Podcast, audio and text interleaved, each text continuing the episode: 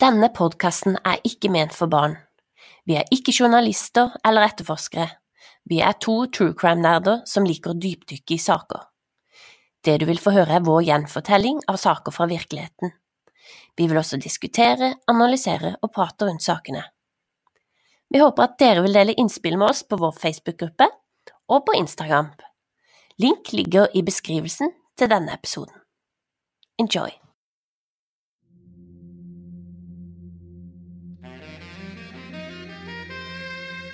Michael Petersen er en historieforteller. Han har levd av å fortelle historier. Han skrev flere bestselgere om krigen i Vietnam, også flere artikler for The Herald Sun. Han har også fortalt historier om sitt eget liv, som den gangen han fikk en krigsskade. Det viste seg til å være en løgn, som, og som Michael selv sier, det er av og til lettere å fortelle en løgn.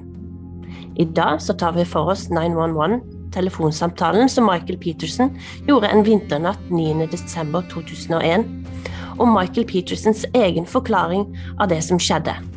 Velkommen til Krimprat med Lisa Fiona og historien om Michael Peterson og døden i trappa.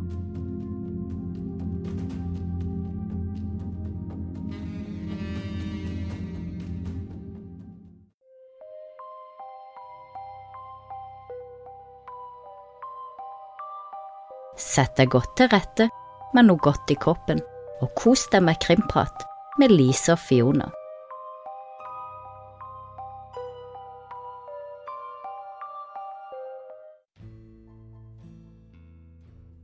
Velkommen tilbake til den andre episoden av Krimprat med Lise og Fiona. I dag skal vi fortsette den mystiske historien om Michael Peterson og dødsfallet på kona hans Kathleen i 2001. I dag blir det, som dere hørte, litt mer analysering og hva vi tenker om saken. Ja, velkommen tilbake, Fiona. Hva har du i koppen din i dag? I dag har jeg kokende vann. Nei da. Så jeg husker Sist gang så skada jeg foten min skikkelig, men nå har det begynt å gro, da. Så har jeg begynt å koke vann igjen og eh, lagd meg kaffe. Cappuccino. Og du der, Lise? Du, vet du hva, nå har jeg faktisk ikke med meg noe kopp i dag. Jeg glemte den nede, men den står nede på kjøkkenbenken med fersk Pepsi Maxi oppi i dag. Så får drikke den etterpå, da. Ja, du får gjøre det. Eh, det kan være du Ja. trenger å drikke litt underveis her. Vi har jo en del vi skal gjennom i dag. Og jeg må bare si det, at eh, som dere kanskje merker, det er vi har en liten delay. eh, Sånn at hvis vi skal avbryte hverandre, så kan det være det tar et sekund før vi, den andre oppdager at den andre skal si noe. Så beklager for det. Ja, vi kan jo informere om at vi spiller inn alt på egen hånd. Vi har ikke noe studio. Vi sitter på hvert vårt rom i hver vår by eh, og gjør så godt vi kan med det vi har. Så ja, vi håper det er godt nok. Ja, vi håper det. Men da skal vi begynne med denne nødsamtalen som Michael Peterson gjør. 9.12. sånn rundt ti over halv tre på natta ringer han politiet. Og dette er det som vi får høre da. Jeg har eh, opptak av første del, men det andre er transkribert, så det skal vi også ta for oss. Durham 911, where's your emergency? Uh, 1810 Cedar Street, please. What's wrong? My wife had an accident. She's still breathing. What kind of accident? Fell Down the stairs. She's still breathing. Please Is come. she conscious? What? Is she conscious? No, she's not conscious. Okay, Please. how many stairs did you fall down? Huh? How many stairs? Stairs. How many stairs? Oh, Calm down, sir. Calm down. no, uh, 15, 20, I don't know. Please, get somebody here right away. Please. Okay, somebody's dispatching the ambulance No. while I ask you questions. It's, it's, it's off of, uh, it's in Forest Hills, okay? Please, please. Ok, det var den. Eh, han ringer jo også, han legger på og ringer tilbake igjen, eh, men det har vi ikke opptak av, så det får vi bare snakke om.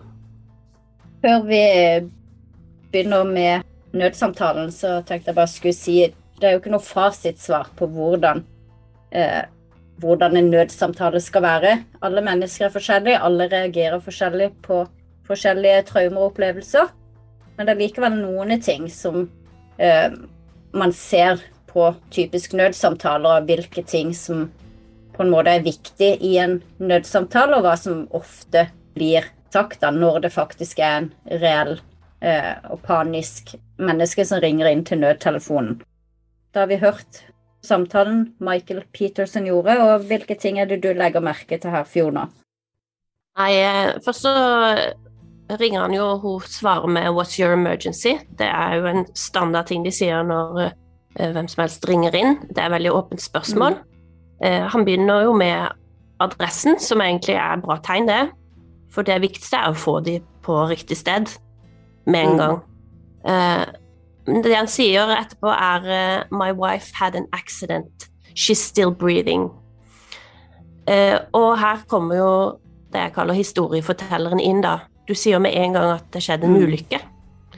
Um, noe som man egentlig ikke kan vite. Det er jo flere ting som kan ha skjedd. Det kan jo ha vært noen som har kommet seg inn i huset, eller noe annet som kan ha skjedd. For det er jo Han møter jo eh, Altså, kona ligger i bunnen av trappa med ekstremt mye blod rundt seg. Det ser ikke ut som en ulykke.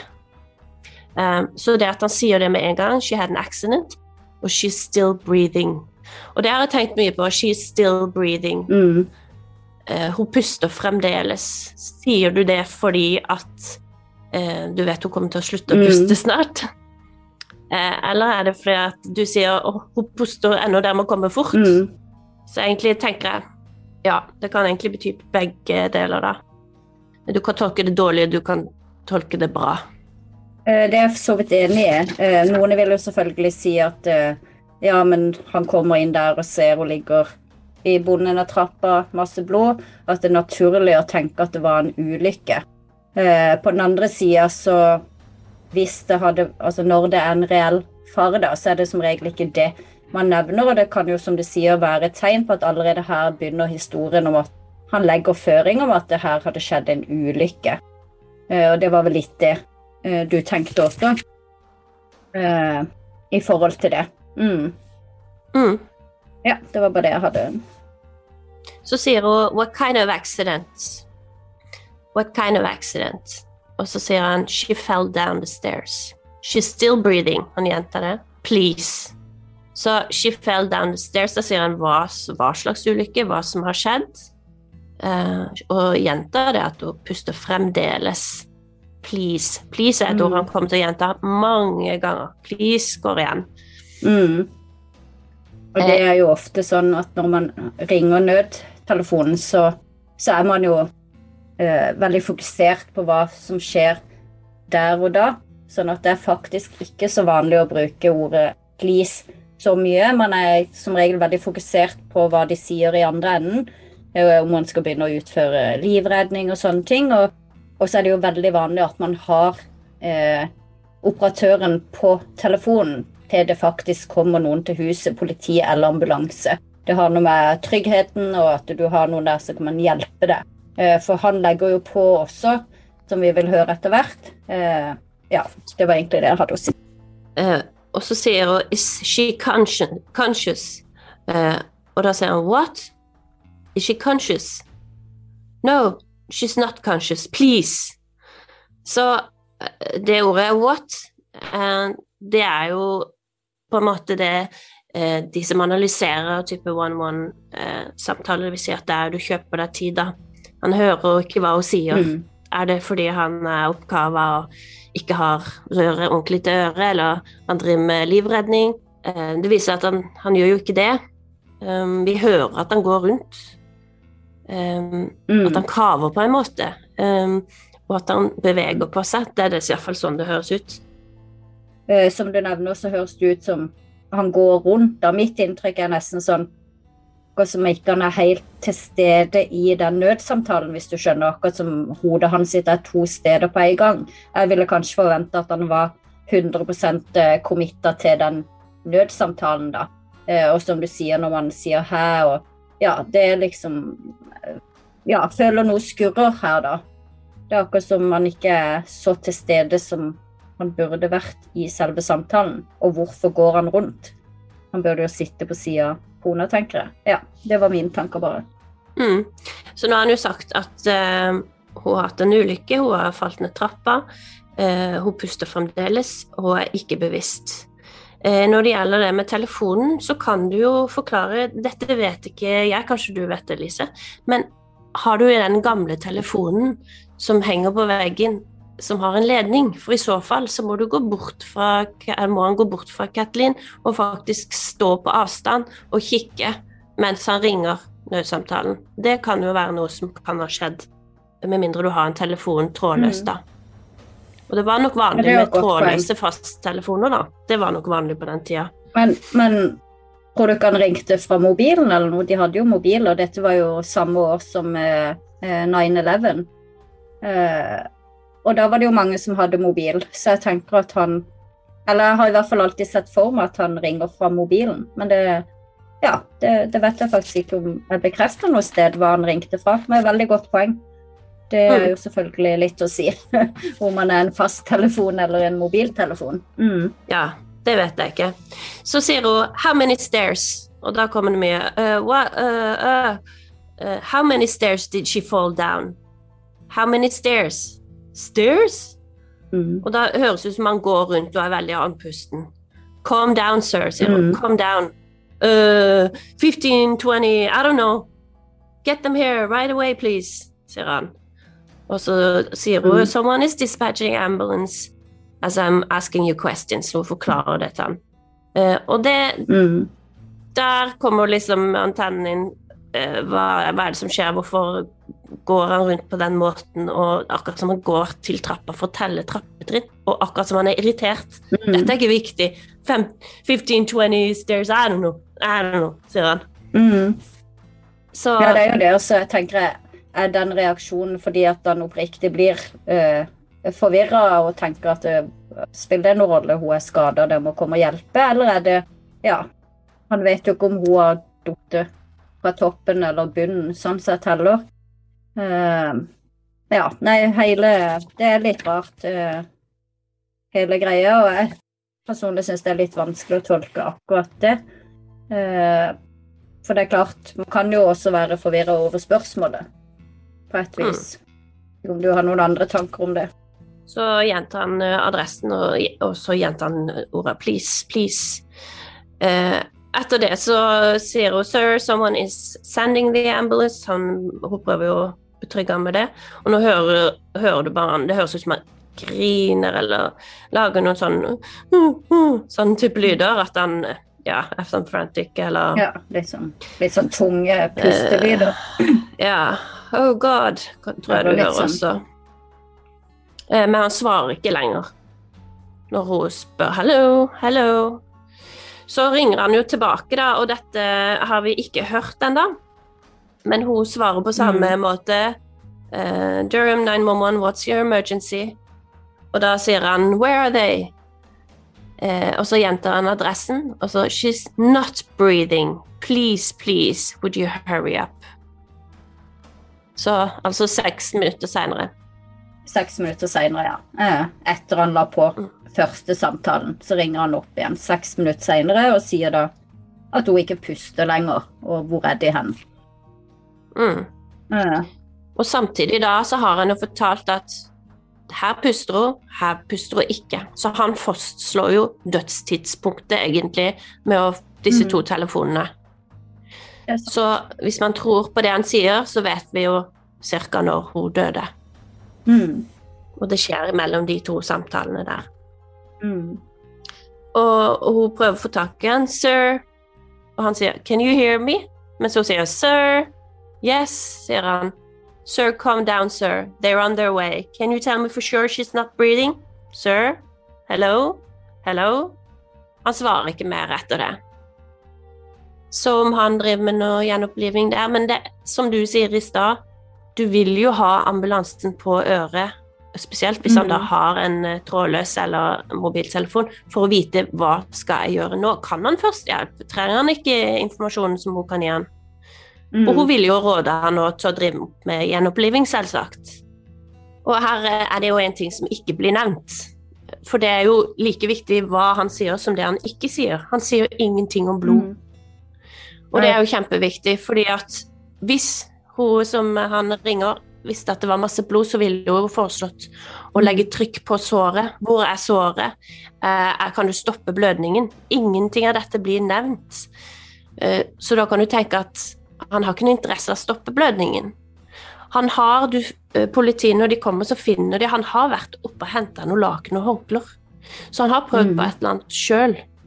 Om det er å tørke av eller hva det eller prøve å redde henne, mm. det vet vi jo ikke. Men det ingenting blir sagt i nødsamtalen, og det syns jeg er rart. Og det er jo helt enig med deg. Det faktisk, for når du ser bildet fra åstedet, så er jo det det første du ser, det er jo blod over absolutt alt. Eh, jeg måtte inn og høre på den eh, nødsamtalen en gang til, for jeg lurte på er det det han egentlig sier, 'she's bleeding' istedenfor 'breeding'. Men, men det er det altså ikke. Det er breeding han sier ganske klart og tydelig. Så han nevner faktisk ingenting om blod.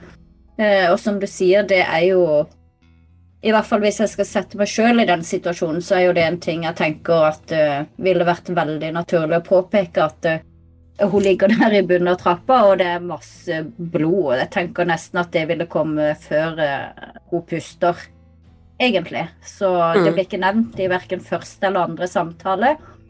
Eh, ja, nei, det er eh, veldig spesielt, syns jeg, da. Mm. Enig med deg i det. Du tenker jo hvordan kan jeg berge henne, hun puster fremdeles. Eh, hvordan Mm. kan jeg være med på å bidra og holde henne i live til ambulansen kommer? Det må Mm. være det første du tenker som ektemann da.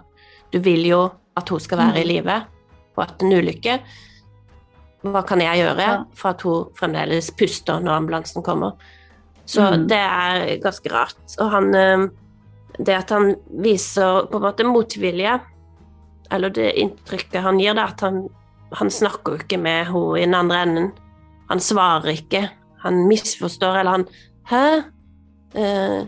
Can you hear me? Og hun bare prøver å få kontakt gang på gang, og han svarer ikke, og han hulker, og det er mye Du kan kalle det drama, da.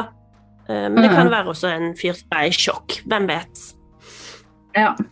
ja, det er jo ikke noe klart fasitsvar på det, selvfølgelig. Det er som sagt, Alle reagerer forskjellig, men dette er noen av de tingene i hvert fall vi har reagert på i den nødsamtalen, da. Mm. Ja. Så kan vi jo gå til når eh, filmteamet ankommer eh, store villaen til Michael Peterson, og de begynner å dokumentere. Dette er jo eh, Jeg vet ikke hvor mange måneder det er etter dette har skjedd, eh, men det er en liten stund etter, og det er når Mm. Forsvaret har begynt å jobbe med saken og sånn, så forklarer han da på Netflix på denne Mm. serien hva som har skjedd, ifølge han da. Og jeg må faktisk det- finne den på nytt, ser jeg. Ja, for jeg tenker, Det jeg la merke til i dokumentaren, er jo hvordan at de kommer inn ganske kjapt, skjønner du. For det, det er jo, blodet er jo ennå der i ganga. Nå vet ikke jeg hvor lenge det var der før de gjorde noe med det, men jeg husker jeg reagerte på det, for jeg tenkte det er jo litt spesielt å bo i huset, og så er ennå blodet der i trappa og på dørkamera og vegger. Eh, det må jo ha vært der ganske lenge. vet Men det er der i Blodet er der under rettssaken nå. Ja, så de vasker det liksom aldri For de drar jo hjem, juryen drar jo hjem. Ja, det gjør de. Jeg bare syns det var litt spesielt. Ja, veldig spesielt. Det hadde ikke Hadde det vært min mann, holdt jeg på å si, som døde i en ulykke, så hadde jeg jo ikke vært komfortabel med å skulle gå og se på alt det blodet i trappa hver eneste dag. Jeg bare husker jeg stussa på det, ikke at det trenger å være relevant for saken. Men eh, Ja, nei, syns det var litt spesielt. Men jeg har inntrykk av at de kom inn eh, ganske tidlig. Eh, dette dokumentarteamet, da, for å dokumentere ja, det som skjedde videre, egentlig. Mm, det gjør de. Eh, men det er gått en liten stund etter dette opptaket. Mm. det var litt vanskelig på telefonen å finne der, tror jeg. Så jeg skal spille det av for dere, og så snakker vi om det etterpå. Ja. Kathleen and I were in here watching a movie. I'd gone to Blockbusters and rented a video, and we were watching American Sweethearts. And I think it was probably around 11 o'clock that the, uh, the movie ended. And we took our glasses, left the, left the dinner plates, as a matter of fact, on uh, there. We were cleaning up the next day. Went into the kitchen, we, we would talk for hours. Kathleen and I at nighttime would talk two, three hours, talk about the movie or uh, the kids or what we were going to do. And we came in here. I think there was I'm- not sure. I, we probably had another bottle. Of, we were. I know we were drinking two bottles that night. Uh, it was a nice night. I guess it was 55, 60 degrees. Very nice night. Uh, and I'd gone outside, and we were talking here for fair amount of time. And then what we would usually do on a nice night, we would go down to the pool, which I always, you know, think is about the nicest place on the property.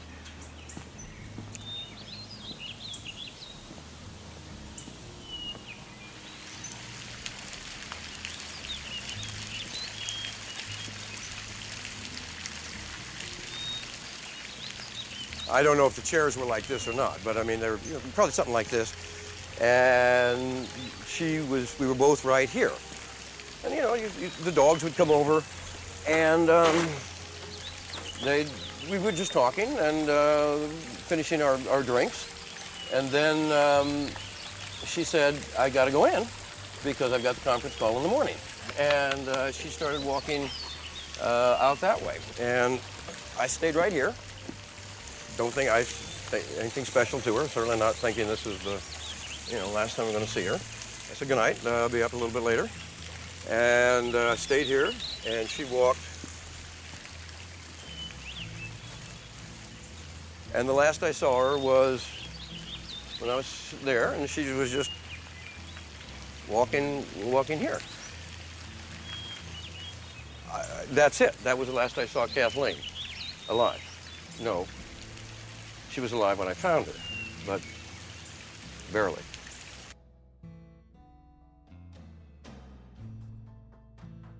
Jeg stopper Ja. der.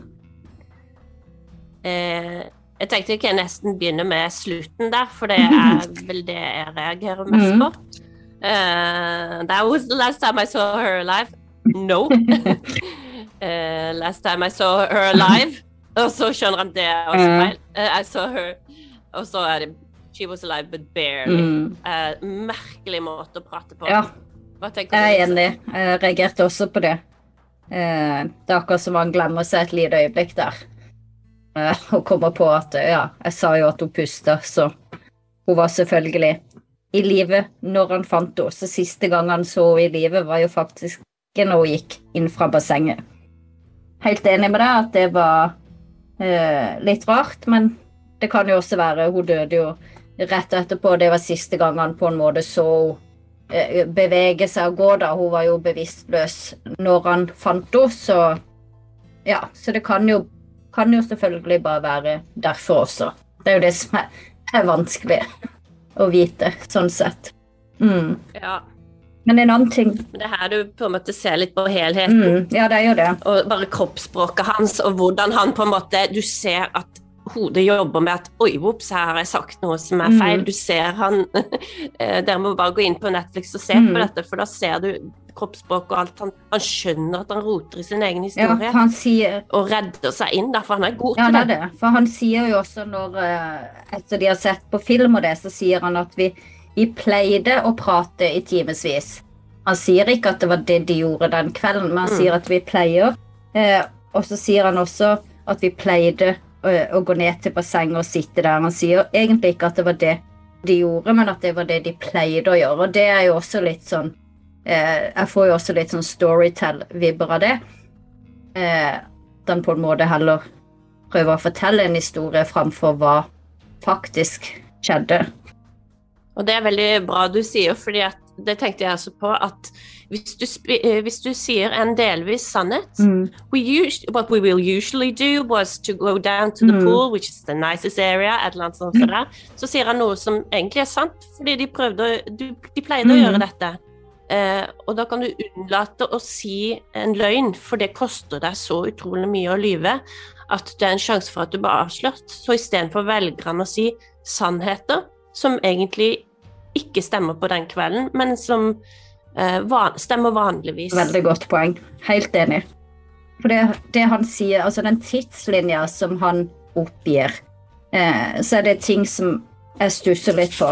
Er det, og klokka er det hun går eh, fra bassenget og inn? Var det kvart på ett du sa? Nei, kvart på to. 1.45. Altså kvart på to, så hun er inn, inn Eh, men det er ifølge, det er ifølge Ja, han. ifølge han, men, men det eh, For hun Det var i ellevetida hun prata med en kollega og var inne på datamaskinen. Og så kommer hun da ut Mm. igjen til bassenget. Er det det som er greia? For han sier jo at de ser på film, henter seg vin, og så går de ut til bassenget og prater. Og så må hun legge seg fordi hun skal ha en konferanse i morgen. Men, men vi vet jo også at hun har prata med en kollega på telefonen, vi vet hun har vært på datamaskinen. Uh, har vi noe klar tidslinje egentlig Ja, på det? Ja, klokka 11 så sier kollegaen Helen Prislinger at hun har snakka med Kathleen på telefonen. Dette nevner jo ikke Michael i sin Nei, for han tidslinje. sier jo at Eh, hun, de ble enige med at hun skal han, han sier jo klokka 11 eh, er de ferdig med å se denne filmen, så da må jo hun ha gått rett i samtale med denne kollegaen, Mm. da, egentlig. Ja, og hun ble enige om at hun skal sende henne en mail, og vi vet jo ikke om Kathleen har vært på dataen, men noen har vært inne på dataen og åpna mailen, men attachmentet er ikke åpna. Ja. Og så er det jo bare Peterson sin historie som vi har, og han påstår hun gikk inn klokka 1.45, um, og eh, han sjøl gikk inn 2.30, og 2.41 så ringer han 911. Og jeg vil bare si det når han Dette er lettere å se enn å høre det, men når dere hører at han er utenfor eh, svømmebassenget, så peker han ned på noen solsenger som ligger der, og sier, så skal han beskrive hvor han og Kathleen var, og da peker han ned på den. Og det er akkurat som han skjønner at disse solsengene står jo ikke ute i desember. Så han sier Kathleen was just Og så peker han på solsengen. Han skal si 'sitting here'. Mm. Så akkurat som han oppdager at de var jo ikke der i desember, så uh, she was right here, eller noe, sier han. Så han unngår å si at hun satt der, men med kroppsspråket så viser han hun satt her på solsenga. Det er sant. Eh, og det tenker jeg ting han oppdager mens han eh, serverer denne historien. Mm. Ja, for, det, for det, det han sier egentlig er at det går ca. 45 minutter fra hun går inn, og til han finner henne i bunnen av trappa. Ja. Ja. Og Mm. så vet vi jo fra obduksjonsrapporten, selv om det ble gjort en del feil av politiet, både på åstedet og han her eh, Dwayne eh, Deaver, hva det han het, han som eh, rett og slett eh, vitna falsk og, og rapporterte inn eh, kun positive funn og ikke negative funn. Eh, når det gjelder eh, du ser vekk fra alle følelser, bare i forhold til fakta, så er jo det ekstremt viktig eh, å rep også rapportere de negative treffene. Om det gjelder DNA-undersøkelser, blodundersøkelser, håranalyser, så er det eh, like viktig, om ikke enda viktigere, å få med de negative treffene for å gi et helhetsbilde. Så det han her, eh, eksperten gjorde, var jo å bare rapportere positive funn, eh, som da kan gi eh, et inntrykk. Og det ble han jo dømt for i flere saker, eh, og var også grunnen til at Michael Peterson fikk saken gjenåpna. Men vi vet fra obduksjonsrapporten at eh, disse røde neoner, var det du kalte det? Eh, ja, neuroner, var det Ja. det? Mm, ja. Og sånn som jeg har forstått, så eh, oppstår de først når du har vært eh, ikke uten oksygen, men har hatt altså lite oksygen da, i kroppen. Og, da gjerne, og da må du ha vært det i mer enn 45 minutter, gjerne kanskje et par timer, hvor du har slitt kanskje med å få, få nok oksygen i kroppen. da. Sånn at allerede her så, så er det jo akkurat som det mangler noe i den tidslinja. For det kan ikke ha gått 45 minutter fra hun falt, eller hva som skjedde, og til han kommer inn, da. Det er vel egentlig et ganske tydelig bevis i forhold til obduksjonsrapporten at, at det kan ikke stemme. Ja, jeg tror nå likevel Forsvaret begynner De prøver seg på at nei, det kan eh, komme etter bare 45 minutter.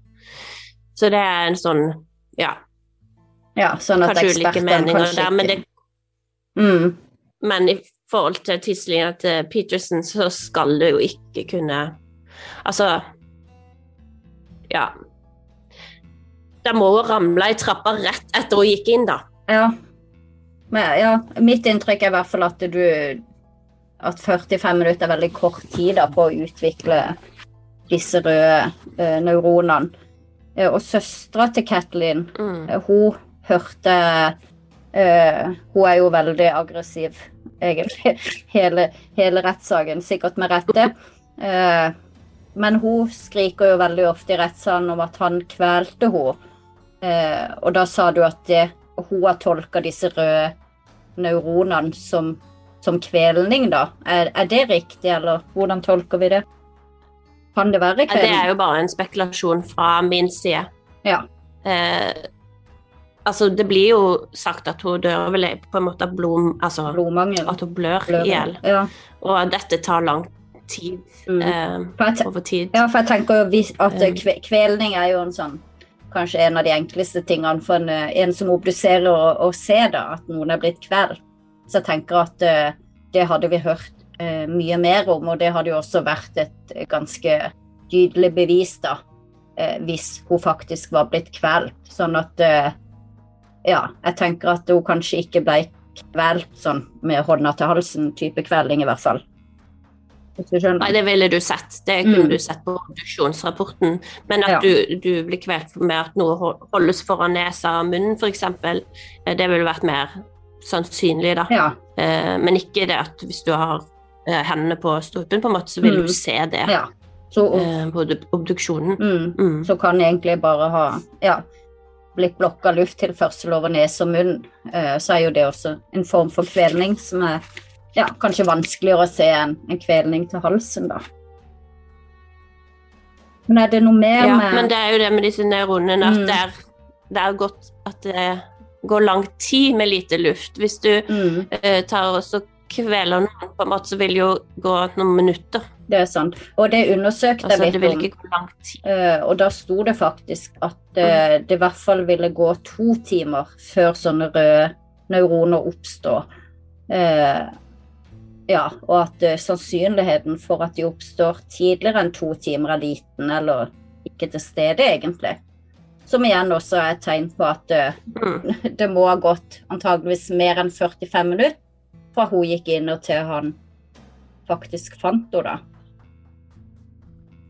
Da har vi lytta til uh, telefonsamtalen Michael Peterson gjorde til 911.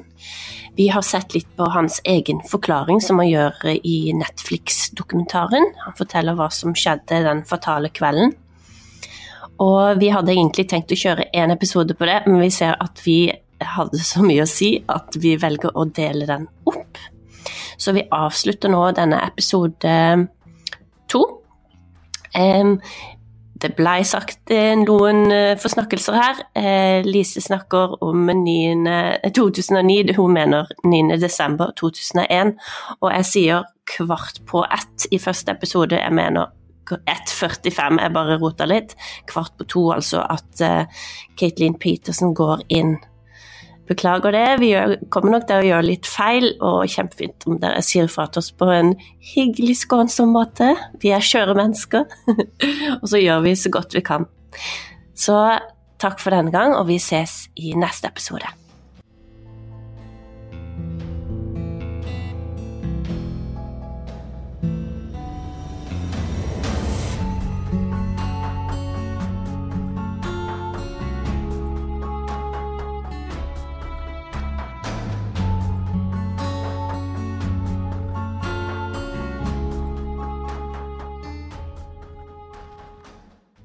Har du et enkeltpersonforetak eller en liten bedrift? Da er du sikkert lei av å høre meg snakke om hvor enkelt det er med kvitteringer og bilag i fiken, så vi eh, gir oss her, vi. Fordi vi liker enkelt. Fiken superenkelt regnskap.